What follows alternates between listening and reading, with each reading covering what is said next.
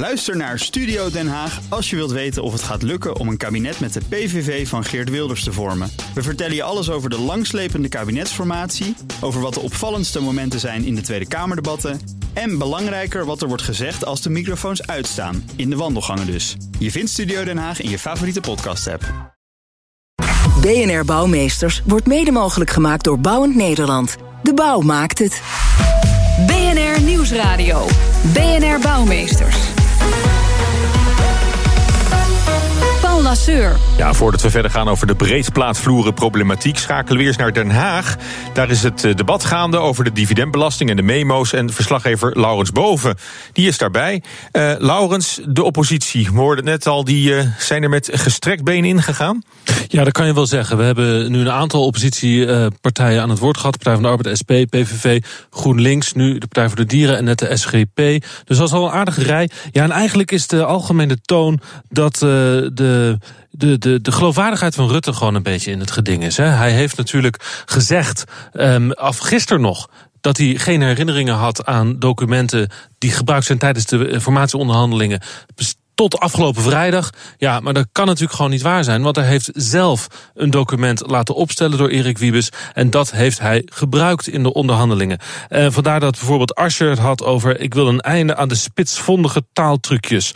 Wilders had het over vieze, vuile woordspelletjes van de premier. En dat de premier de boel belazert. En Jesse Klaver zei, dit debat gaat over veel meer dan alleen maar memo's... maar over de geloofwaardigheid, de betrouwbaarheid van de politiek. Ja, en hebben ze ook een punt of is het vooral uh, verbaal dat ze nu zo, uh, ja, het zijn wel, nou, het zijn uh, in alle eerlijkheid wel hele serieuze vragen waar de premier uh, antwoord op moet geven. Want heel veel mensen hebben natuurlijk gehoord wat hij gisteren zei. Dat hij zei dat hij zich niet hoor kon herinneren aan memo's. En dat hij gisteravond een Kamerbrief stuurde. waarin hij gewoon uh, zeer duidelijk schreef dat hij ja, gewoon die memo's wel had. en ze ook heeft gebruikt in de onderhandelingen. Hetzelfde geldt voor Erik Wiebes, de minister van Economische Zaken. Die had gezegd afgelopen vrijdag tegen de pers dat hij geen idee had over welke memo's het ging. Terwijl nu blijkt dat hij die memo zelf geschreven heeft, waar het over ging. Ja, dat wordt dus best nog een eh, spannend debat, uh, Laurens. Uh, dankjewel. We horen je na vier uur weer in Spitsuur. En het debat is ook te volgen via onze live blog op bnr.nl. Ja, en dan de breedplaatvloeren. Daar zijn misschien ook wel memo's over, maar die hebben ze dan ook goed onder de pet gehouden, want er is nog maar heel weinig bekend. Alweer bijna een jaar geleden stortte de parkeergarage in in Eindhoven en nog steeds nu, elf maanden later, worden af en toe kantoren gesloten. omdat de vloerconstructie niet veilig zou zijn. Vorige week nog bij het ministerie van Binnenlandse Zaken. Daar zouden ook ondeugelijke vloeren liggen. In bepaalde delen van het gebouw geldt zelfs een samenscholingsverbod. Ambtenaren mogen niet meer in grote groepen bij elkaar staan. Ik weet niet of ze dat deden eh, van nature. Maar uh, het ministerie heeft zogenoemde floorwalkers aangesteld. die toezien op de naleving van dat samenscholingsverbod. Maar het kan nog erger. Gebouw X klinkt ook geheimzinnig, van Hogeschool Windesheim werd een half jaar geleden gesloten vanwege constructiefouten in de vloeren. Het pand is nog steeds niet heropend. Verslaggever Roger Dankerlui die ging in Zwolle polshoogte nemen. De levendigheid die in de andere schoolgebouwen van Windesheim wel hoort, die hoor je bij gebouw X niet. Een groot gebouw, 18.000 vierkante meter aan eh, vloeroppervlak. Henk Haaghoort, voorzitter van de Raad van Bestuur van Windesheim. Sinds wanneer is dit dicht? Dit is dicht sinds 21 oktober. En zonde? Ja, heel jammer. Want het is uh, een vijfde van ons vloeroppervlak. Dus echt ook een groot gebouw, 13 opleidingen. Nou, ik denk zo 3.000, 4.000 studenten, 300 medewerkers die er niet in kunnen. En die breedplaatvloeren, dat is het grote probleem? Ja, het probleem is dat wij hier uh, die bewuste uh, dekvloeren hebben gebruikt... die uh, bollenplaatvloeren, zoals ze heten. Wij hebben hier in vergelijking bijvoorbeeld met soms andere scholen... het probleem dat de platen ook echt gebruikt zijn... om hele grote overspanningen uh, te maken. Dat betekent dat er ook heel specifiek voor dit gebouw naar oplossingen is gekeken. In eerste instantie is er uh, gedacht aan stalen strips... Dus eigenlijk stalen strips die je dwars op de naden uh, monteert, uh, in, ja, verankert. Uh, nou, constructeurs hadden uitgerekend dat er dan 5000 strips aangebracht moesten worden op precies aangegeven plekken. Maar toen wij dat gingen uitvoeren eind maart bleek dat je dan heel vaak in de wapening van de, van de vloer boort. Ja, en dat is niet de oplossing, daar mag je niet doorheen. Dus dat werd een onmogelijke klus om die 5000 uh, strips te bevestigen. Dat gaat over 81.000 boorgaten. Nou, dus we dachten, dit gaat niet werken. Dus uh, we zijn toen overgestapt in overleg met de constructeurs naar een andere oplossing. En die heet bolankers. En daar wordt nu aan gewerkt? Ja, daar wordt nu aan gewerkt. Dus die bollenplaatvloeren, dat zijn vloeren, daar liggen uh, ja, soorten, noem het maar voetballen of skippyballen in. Heel veel. Hè. Dat, dat maakt ook dat die vloeren wat lichter zijn en die grote overspanningen aan kunnen. Onder die ballen zit geen wapening, dus daar kun je heel goed in boren. En het idee is nu om een, uh, zeg maar een gat te boren richting de bal. De bal voor een deel vol te stoppen met beton.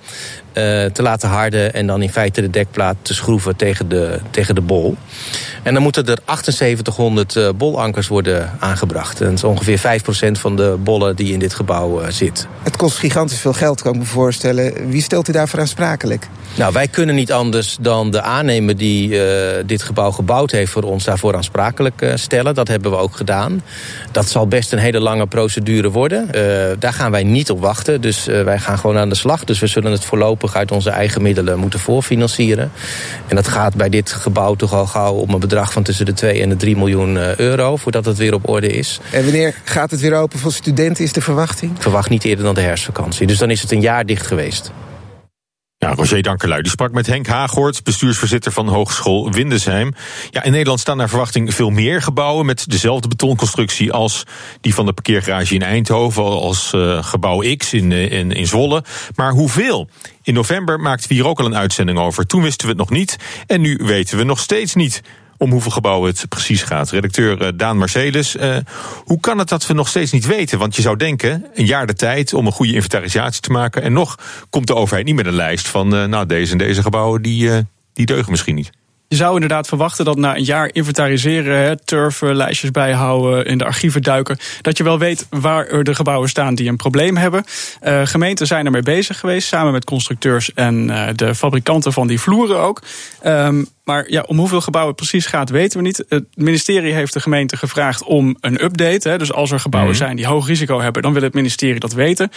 10, 11, 12 gebouwen zijn er gemeld bij het ministerie, zeggen ze. Uh, maar ja, de constructeurs zelf, de beroepsvereniging daarvan, die zeiden het zijn honderden gebouwen. Dus de vraag is even, uh, hoeveel zijn er? Honderden klinkt in elk geval aannemelijker. Tenminste, als je met uh, deskundigen praat hierover. Nou, het is wel ook meer dan tien keer zoveel als wat het ministerie nu aangeeft. Waar, waarom is dat? Is het een bepaald type gebouwen wat je makkelijk kan identificeren? Ja, het is het thema van de uitzending. Hè? Dus breedplaatvloeren. Het komt er in één keer soepel uit. Het is een veel gebruikte techniek in de in de, in de bouw. Uh, Simon Wijten, hoogleraar betonconstructies van de Technische Universiteit Eindhoven, legt uit waar het om gaat. Breedplaten, dat zijn eigenlijk dunne betonnen schillen met een dikte van 5 tot zeg maar 7, misschien zelfs 9 centimeter. De platen worden gemaakt in een fabriek. Die worden naar de bouwplaats gebracht. De plaatsen wordt daar een druklaag van beton op aangebracht die dikker is, zodat er uiteindelijk een vloerdikte ontstaat van bijvoorbeeld 250, maar dat kan ook wel 450 mm dik zijn. Ja, een techniek die veel wordt toegepast, hoor hem ook zeggen, in gebouwen. Moet iedereen zich nu zorgen maken of ze misschien wel wonen of werken in een tikkende tijdbom? Nou, wonen waarschijnlijk niet. Uh, Wijten denkt tenminste dat bij woonhuizen het probleem uh, niet zo groot is. Want daar heb je muren waar die platen op liggen. Mm -hmm. Bij uh, bijvoorbeeld kantoren, ziekenhuizen, scholen, parkeergarages zie je vaak dat die platen op kolommen zijn bevestigd. En dan is het risico wat groter. Dus hij denkt inderdaad dat in die zogenaamde utiliteitsbouw, dat, daar, dat je je daar zorgen over zou mogen maken hier en daar. en dan nog vooral voor gebouwen die zijn gebouwd sinds 2000. In de risicoanalyse die we gemaakt hebben en op basis van de bevindingen bij Eindhoven hebben we geconcludeerd dat er een bepaald aspect zit wat de toepassing van deze breedplaatvloer uh, mogelijk kwetsbaar maakt. En dat is dat de breedplaten gemaakt zijn van zelfverdichte beton. Dat is een beton waarbij je bij het storten niet hoeft te verdichten, niet hoeft te trillen. En dat type beton dat is vanaf de jaren 2000 in de prefab-industrie in Nederland gebruikt. Ja, maar bij hoeveel constructies uh, dit gebruikt is en het ook vooral een, zwakte, een zwakke situatie heeft opgeleverd. Ja, Simon Wijten houdt het op ongeveer 100, uh, maar ook hij weet het niet precies. Ik heb zelf niet echt inzicht in ja, het, het aantal gebouwen wat wordt onderzocht. Want ja, gebouwen waar de conclusie wordt getrokken van hier is minder risico, daar hoor je sowieso weinig van. En gebouwen waar dan het risico uh, wat groter is, zodat er maatregelen genomen moeten worden, ja, daar hoor je vaak wat meer van, ook in de pers. Maar die data wordt op dit moment niet verzameld. Maar wat denk je, stort er vandaag of morgen weer een gebouw in, net als in Eindhoven? Nou, ik ga daar geen uh, geld op zetten, dit soort uh, ellende. Uh, Simon Wijten geldt wel als een spin in het web op dit terrein. Je kunt eigenlijk niet op hem heen. Hij werkt voor verschillende opdrachtgevers, doet hij onderzoek hiernaar. hij zegt het volgende over de risico's. Het risico bij dit vloertype is verhoogd. Maar het is zo dat Eindhoven Airport, daar is het fout gegaan. Maar tot die tijd is er nooit wat fout gegaan. Terwijl die constructietype al ja, eigenlijk decennia lang... en met zelfverdichte beton al ruim 15 jaar lang... wordt toegepast in verschillende constructies waar het goed gaat. Ja, en die gebouwen staan er al, uh, staan er al jaren, is allemaal veilig, uh, gereden voor paniek dus. Dat is inderdaad wat hij zegt. Uh, toen dacht ik, ik bel ook even Sandra Beckerman, Tweede Kamerlid voor de SP. Zij heeft in het verleden vaker vragen gesteld hierover aan de minister. Ehm, ja, ik vroeg haar of ze er gerust op is. Nee, nee. En ik wil gewoon heel graag duidelijkheid. Want het gaat hier natuurlijk wel over de veiligheid van zowel bouwvakkers als gebruikers van een gebouw. Ja, en die duidelijkheid die zou het ministerie dan moeten verzorgen. Ja, en tot nu toe weten we vooral van openbare en publieke gebouwen... Hè, dat er zwakke breedplaten in liggen of kunnen liggen. Eh, er moeten toch ook gebouwen zijn van private partijen... die dezelfde problemen hebben? Ja, uh, wijten valt het inderdaad ook op dat vooral uh, eigenaren van publieke gebouwen, dus dat we daarvan weten dat er um, problemen zijn. Private gebouwen weten we dat een stuk minder. En dat roept bij hem wel vragen op. Ja, wie is verantwoordelijk voor de constructieve veiligheid? Dat zijn toch in eerste instantie de eigenaren van de gebouwen zelf. Dus het is in mijn optiek erg van belang dat een eigenaar van een gebouw met het stappenplan voor de risicoanalyse, et cetera, in de hand. Dus na laat kijken door deskundigen hoe, hoe de staat van zijn gebouw, hoe de staat van zijn constructie is. Nou, vastgoedeigenaren die moeten dus goed opletten. Die zijn ook gewaarschuwd. Dankjewel, Daan. En zometeen, de Tweede Kamer debatteert binnenkort over die breedplaatvloeren. Zal dat tot een oplossing leiden? BNR Nieuwsradio. BNR Bouwmeesters. Waarin we het hebben over breedplaatvloeren van het type zoals in de parkeergarage in Eindhoven die vorig jaar instortte. En de vraag is hoeveel andere gebouwen ditzelfde probleem hebben, want dat weten we eigenlijk niet. En ik praat erover verder met Rob Nijssen. Hij is hoogleraar Structural Design van de Technische Universiteit Delft. Ja, in november vorig jaar beloofde de minister van Binnenlandse Zaken nog met informatie te komen over het aantal gebouwen. Waarom heeft het zo lang geduurd? Ja, dat heeft eigenlijk alles te maken met de organisatie van de bouwproces uh, nu zoals het plaatsvindt. He. Het is zo dat de overheid heeft zich teruggetrokken uit een controlerende rol. Dat wordt enorm afgebouwd en overgelaten aan bedrijfsleven. Dus ook de overheid kan niet informatie krijgen, omdat ze dat gewoon niet kunnen afdwingen. Ze kunnen dat wel afdwingen bij de gemeente, ze kunnen dat wel afdwingen bij de constructeurs die dat berekenen. Dus die zijn allemaal gevraagd mm -hmm. netjes inventariseer waar de problemen zoals in Eindhoven voorkomen in de rest van de gebouwen zou kunnen optreden. Dat is gebeurd. Maar de hele private sector, alle beleggers, alle vastgoedontwikkelaars zijn niet benaderd en die houden hun mond, want die zien natuurlijk al een levensgrote wolk aan de horizon verschijnen dat hun pand minder waard is omdat ze een bepaald type vloer hebben toegepast. Ja, en als bouwtoezicht nog steeds zo was georganiseerd als een aantal jaren geleden, was het dan sneller eh, boven water gebracht? Ja, allemaal? beslist. Want dan had, iedereen moet dan zijn tekeningen en berekeningen inleveren. En daar is alle informatie op te vinden hoe de vloeren zijn samengesteld en wat er gebeurd is tijdens de bouw. En dat laatste is vooral heel erg belangrijk. Ja, want was die vloerconstructie wel iets waar op zich wel goed op gelet werd en waarop gecontroleerd werd? Ja, natuurlijk. Want uh, iedereen is natuurlijk overtuigd van het feit dat ja, je moet een veilig gebouw neerzetten. Hè. Zeker de constructeurs en, en ook de mensen die het bouwen hebben dat als doel ten ogen. Alleen daar dwars doorheen gaan alle financiële belangen. Hè. De aannemers willen de vloer zo goedkoop mogelijk maken. En die zijn op zoek naar besparingen. Kunnen we dit weglaten? Kunnen we dat weglaten? En dat is een soort methode kaasgaaf. Er ging steeds een plakje af van die breedplaatvloeren. Want laat ik dat nadrukken: breedplaatvloer is een prachtig vloersysteem. Zeker met die bollen erin is het duurzaam. Het is een en je kan die mooie grote overspanning maken. Je kan mooie grote overspanningen maken, maar dan moet je ze wel goed uitvoeren. Ja. En dan moet je ook controleren dat ze in de bouw de juiste dingen erbij leggen. De bijlegwapening, de ruwheid van de vloeren, moet allemaal gegarandeerd zijn. Als niemand daar naar kijkt en er staan, bij wijze van spreken, stel Polen staan het uit te voeren. Dat is vraag om problemen. Ja, nou goed, we hebben het over de overheid, over de constructeurs van, van die gebouwen. Ja. Maar dan hebben we het nog niet eens gehad over de gebruikers of de bewoners of de, de, de, de ambtenaren. Die, die hebben er ook recht op om te weten of een gebouw. Die hebben er zeker recht op, hè, maar die gaan ervan uit dat het allemaal goed geregeld is. En nu blijkt, hè, vooral door die instorting in Eindhoven, zomaar tijdens de bouw op een zonnige dag stort een heel gebouw in. Wie kan de overheid nog vertrouwen in deze? Ja.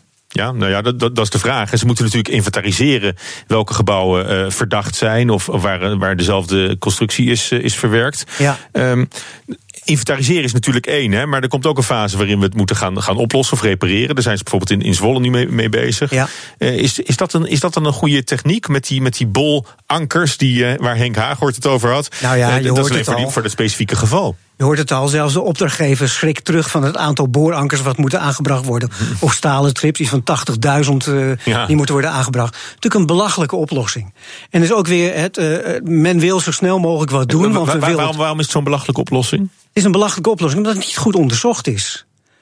Dit soort problemen moeten van tevoren in de laboratoria, op de universiteiten, op de hogescholen goed onderzocht worden. En dan moet met een goede oplossing komen. Ja, maar dan gaat het alleen nog maar langer duren natuurlijk. Nee, als het dan meteen had begonnen in mei van vorig jaar, toen Eindhoven ingestort was, toen overduidelijk bleek waar deze problemen door ontstonden, hè, toen had al meteen onderzoek moeten beginnen van hoe kunnen we dit voorkomen. Ja, maar is er al iemand met, met zo'n bubbeldekvloer aan de gang gegaan om te Oh, kijken hoe, je- hoe die kunt eh, met, versterken? een, met een beperkte opdracht, die zich ook allemaal vreselijke zorgen maken om het feit dat als zij iets neerleggen op papier en officieel eh, dat eh, de wereld insturen, dat ze dan meteen alle Zuidas-advocaten achter zich aankrijgen die dat minutieus gaan, gaan analyseren, kijken wat er misschien ergens een eh, haakje los zit, en waar ze hun pennen in kunnen steken om, om, om dat te analyseren. Ja, is dat- Want is er dat- is een enorme schade aan het optreden. Hè? Ik praat over tientallen miljoenen, misschien wel een miljard miljoen. Ja. Aan reparaties die moeten gebeuren. Ja, en waarvan, Wie gaat dat waar- waar- betalen? waarvan we nog niet weten waar ze zitten. Nee, en alle Zuidas-advocaten, ben ik nu al van overtuigd, zijn nu al bezig om uit te zoeken hoe kunnen we daar onderuit weg en kunnen we daar eh, onze opdrachtgevers, de grote aannemers vooral, kunnen we daar zoveel mogelijk daartegen beschermen. Ja, en leidt dat ertoe dat ze in feite niet, eh, nog geen opdracht willen geven om het, eh, om het eens te onderzoeken? Ja. Wat ik al zei, de overheid. memo- memo-problematiek. Ja, de overheid trekt zich terug. Hè, dat is hetzelfde wat we zien in de Voedsel- en Warenautoriteit. Niemand controleert meer in de, in de werkelijkheid wat er gebeurt. Hè. Dus daarom krijgen we de fipronel-eieren in de supermarkten. Hè, hetzelfde principe treedt op in de bouw. De overheid controleert niet meer, of heel bescheiden. eh, Hè. En het bedrijfsleven probeert te bezuinigen, probeert zo goedkoop mogelijk te produceren. En dan zakken ze door het ijs en dan staat iedereen met zijn handen omhoog van... ja, wat moeten we doen? En nu zijn we alweer bijna een jaar verder naar Eindhoven. Dat waanzinnige, se- serieuze signaal. En we weten nog niet wat we moeten doen. Nou ja, straks eh, praat ik met Erik Ronnes, hij is Tweede Kamerlid voor het CDA. Die hebben al een debat aangevraagd over die breedplaatvloeren, inventarisatie, eh, problematiek. Ehm, wat, wat moet hij dan doen? Wat moet de politiek doen? De politiek moet eisen dat er A. een oplossing komt. B. dat het door een onafhankelijke partij wordt vastgesteld, niet door de aannemers zelf. Hè. En C. Moet, moet gegarandeerd worden dat het een goede oplossing is. En dat kan alleen maar door die vloeren te maken, te repareren, te proefbelasten. En daardoor te bewijzen dat alles goed is. Want we kunnen alles met de computer berekenen tegenwoordig. Hè. Maar wie bewijst dat die computerberekening goed is? Dat de dingen die je invoert in de computer, de materiaaleigenschappen bijvoorbeeld, dat het allemaal goed is. Dat moet je valideren, zoals we dat noemen, in de laboratoria. Ja, en daar moet toezicht op zijn. Daar moet toezicht op zijn dat het allemaal goed gebeurt. Ja, en de aansprakelijkheid dan, want dat speelt natuurlijk ook een enorme rol. Hè, als je het hebt over, over miljardenschade, potentieel. Eh, wie, wie gaat het dan betalen? Nou ja, in eerste instantie is het heel eenvoudig, want de aannemer heeft voor het bedrag X aangenomen om gebouw Y neer te zetten. Of ook gebouw X, geloof ik. Hè. maar. eh, dus die is de eerste instantie is verantwoordelijk. Maar die gaat natuurlijk onder zich kijken naar al zijn adviseurs en, en toeleveringsbedrijven. En die gaat naar beneden trappen. Dus die dat- hete aardappel die wordt, eh, die wordt heel makkelijk doorgeschoven. Ja, met alle gevolgen van dien. En een, een, een, een hele wijze les, en ook een heel vervelende les uit het verleden is... 24 april 2003, hè, daar staat in mijn geheugen gegrift... stortte in Maastricht balkons neer. Mhm. Twee mensen dood. Hè. Daar is een schuldige voor, want dat balkon stortte niet vanzelf in. Dat is uitgezocht en dat heeft geleid tot een rechtszaak. Een kleine aannemer is veroordeeld tot een boete van, ik dacht 20.000 euro. Dus dat hebben die Zuidas-jongens hebben dat nu in het dossier zitten. Dit is gebeurd. Hè? En toen is deze uitspraak gekomen, dus die hebben een jurisprudentie. Hè? Die zeggen tegen hun opdrachtgevers: van, maak je geen zorgen, Eindhoven komen we wel uit. Nou ja, maar goed, als ik het al hoor over Zuidas advocaten en, en deze zaak in, in Maastricht, Ja. dat was ook niet in een dag bekeken. We gaan hier nog jaren plezier van hebben, denk ik. eh. Helaas moet ik zeggen, en ik vind dat een schande voor, de, voor onze maatschappij. Nou, we, zullen gaan zien hoe dit, hoe dit afloopt. Ook het debat zometeen. Dank u wel. Rob Nijssen, hoogleraar Structural Design aan de TU Delft. Want het eh, CDA heeft een debat aangevraagd met de minister van Binnenlandse Zaken over het probleem met de breedplaatvloeren. Nou, nou heb ik het toch even. De breedplaatvloeren. Erik Ronnes, Tweede Kamerlid voor het eh, CDA. Goedemiddag. Eh, goedemiddag. Moet er een openbare lijst komen met, met gebouwen eh, met fouten in de constructie? Ook voor het, voor het publiek, lijkt me. Nou, het lijkt me in ieder geval eh, van belang dat eh, inzichtelijk wordt van waar zit het probleem nu eigenlijk. Eh, het is inmiddels bijna een jaar geleden dat de parkeergarage in Eindhoven is ingestort. Wonder boven wonder is daar niemand bij gewond geraakt. Maar het valt natuurlijk niet uit te sluiten als het op een andere plek gebeurt, dat, dat, dat het wel het geval is. En daarom moet die duidelijkheid er komen. We hebben daar al in oktober, november, oktober oktober, november hebben wij al vragen gesteld richting de minister om daar helderheid in te krijgen. Dat ze het probleem onder, de, onder controle krijgt. Maar ja, met de geluiden die je nu overal ziet uh, opdoemen, zie je gewoon dat het lijkt alsof dat het niet onder controle is. Ja, maar je moet ook waken, denk ik, voor paniekvoetbal. Want Wijten zei eerder in deze uitzending dat gebouwen op zichzelf veilig zijn. Uh, dat klopt, dat klopt. Maar waarom is het dan zo dat op de ene plek wel ontruimd wordt en uh, uh, gezorgd wordt dat er geen gebruik gemaakt wordt van het gebouw en op de andere plek niet? Notabene de ambtenaren van Binnenlandse Zaken zelf. precies, dat is, een, dat is een heel mooi voorbeeld. Maar jullie hadden het net ook al over de scho het scholengebouw waar dit het geval is. En ja, we, we moeten toch zorgen dat daar een lijn in komt te herkennen van wanneer wel, wanneer niet en wat is de oplossing voor het probleem. Ja, maar goed, dan moet je eerst weten hoeveel, om hoeveel gebouwen het gaat. En ja, de overheid zegt nu nog officieel 10. En, uh, en deskundigen die zeggen het zijn er misschien wel 300. Dat klopt, en dat is ook de reden dat we A, het debat aangevraagd hebben. En B, dat we uh, morgen een, uh, een, verzoek zullen doen tot een hoorzitting. Samen met VVD. En uh, ook lid Beckerman van de SP sluit zich daarbij aan. Om te zorgen dat, dat wij ook als Tweede Kamer geïnformeerd worden van hoe, hoe hangt de vlag er nu bij. Ja, wie, wie wilt u dan horen? Nou, met name uh, specialisten op het terrein van uh, de bouwkwaliteit. Maar ook de producent van de vloeren. Uh, uit de aannemerswereld. en natuurlijk ook ja, de betrokken gebouweigenaren zelf. Ja, en heeft u al een idee of een stip op de horizon, een, een, een moment in time, wanneer alle gebouwen hersteld moeten zijn? Ja. Want, wat, wat, dat, is, dat is nog lang niet in kijk, zicht, volgens je, mij elke dag is er één te laat. Alleen je weet in realiteitszin is van ja, dat doe je niet op één dag. Dat, dit heeft gewoon tijd nodig om goed, uh, goed hersteld te worden. En ik had de hoop gekoesterd dat na het gebeuren in Eindhoven, dat dit adequaat was opgepakt. En dat er helderheid kwam over de exacte oorzaak en de exacte oplossing. Uh, alleen je ziet dat, dat het meer experimenteel gebeurt. En dat er niet een, een, structureel plan van aanpak is om dit probleem te isoleren en ook helder te krijgen. En, de oplossingen neer te leggen. Ja, en is het dan de taak van de overheid om dat af te dwingen ook? Dat al die gebouwen op tijd weer, weer hersteld ja, worden? Een beetje als, de, de toezichtsvraag? Ik denk uh, als, als uh, dit in geding is, dat er zeker de rol van de, uh, van de, de overheid verwacht, verwacht kan worden. alleen we moeten ook kijken naar de, hoe zit het met de verantwoordelijkheid van bijvoorbeeld de aannemers die dit soort constructies aanleggen. Nou, die, die duiken daar een beetje voor weg. Kijk, wat, we weer in deze uitzending. De, daarom ook de nieuwe wet kwaliteitsborging in de bouw die uh, in de pijplijn zit om geïmplementeerd te worden. Daar komt een nog zwaardere uh, argument bij, bij, te liggen, een zwaardere verantwoordelijkheid bij, die bij de aannemers te liggen. Om te zorgen dat het kwalitatief in orde is wat men produceert. En uh, daar komt nog bij oorzaak en gevolg. je hoort natuurlijk heel veel over die breedplaatvoeren, maar je hoort ook de technici nog zeggen van ja, wat er in Eindhoven is gebeurd, is niet alleen aan die vloeren te wijten, maar ook op de manier waarop ze gelegd zijn. Dus uh, het is ook nog maar de op vraag. de uitvoering, van, ja. Ja, het is ook nog maar de vraag: zijn we nu met een oplossing bezig die wel de goede richting is? Ja, nou het gaat in ieder geval nog heel lang duren. Het gaat heel veel geld kosten. Is dat ook een rekening die de overheid moet oppakken? Of um, moet dat worden verlegd naar de pandeigenaren en de constructeurs? Nee, de, de, de, de constructeurs en de aannemers, dit, dat zijn de partijen die het werk geleverd hebben, zijn ook, eh, uh, moeten ook aansprakelijk gesteld daarvoor worden. Uh, alleen ik denk wel dat wij als overheid, als het om veiligheid in Nederland gaat, dan kunnen wij onze kop niet in het zand steken. Dank u wel. Erik Ronnes, Tweede Kamerlid voor het CDA.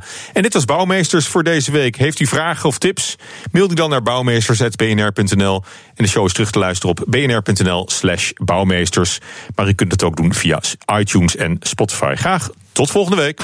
BNR Bouwmeesters wordt mede mogelijk gemaakt door Bouwend Nederland. De bouw maakt het. Ook Hugo Reitsma vind je in de BNR-app. Superhandig die BNR-app. Je kunt alle programma's live luisteren, breaking nieuwsmeldingen. Je blijft op de hoogte van het laatste zakelijke nieuws. En je vindt er alle BNR-podcasts, waaronder natuurlijk de belangrijkste, Boeken zijn in de wijk. Download nu de gratis BNR-app en blijf scherp.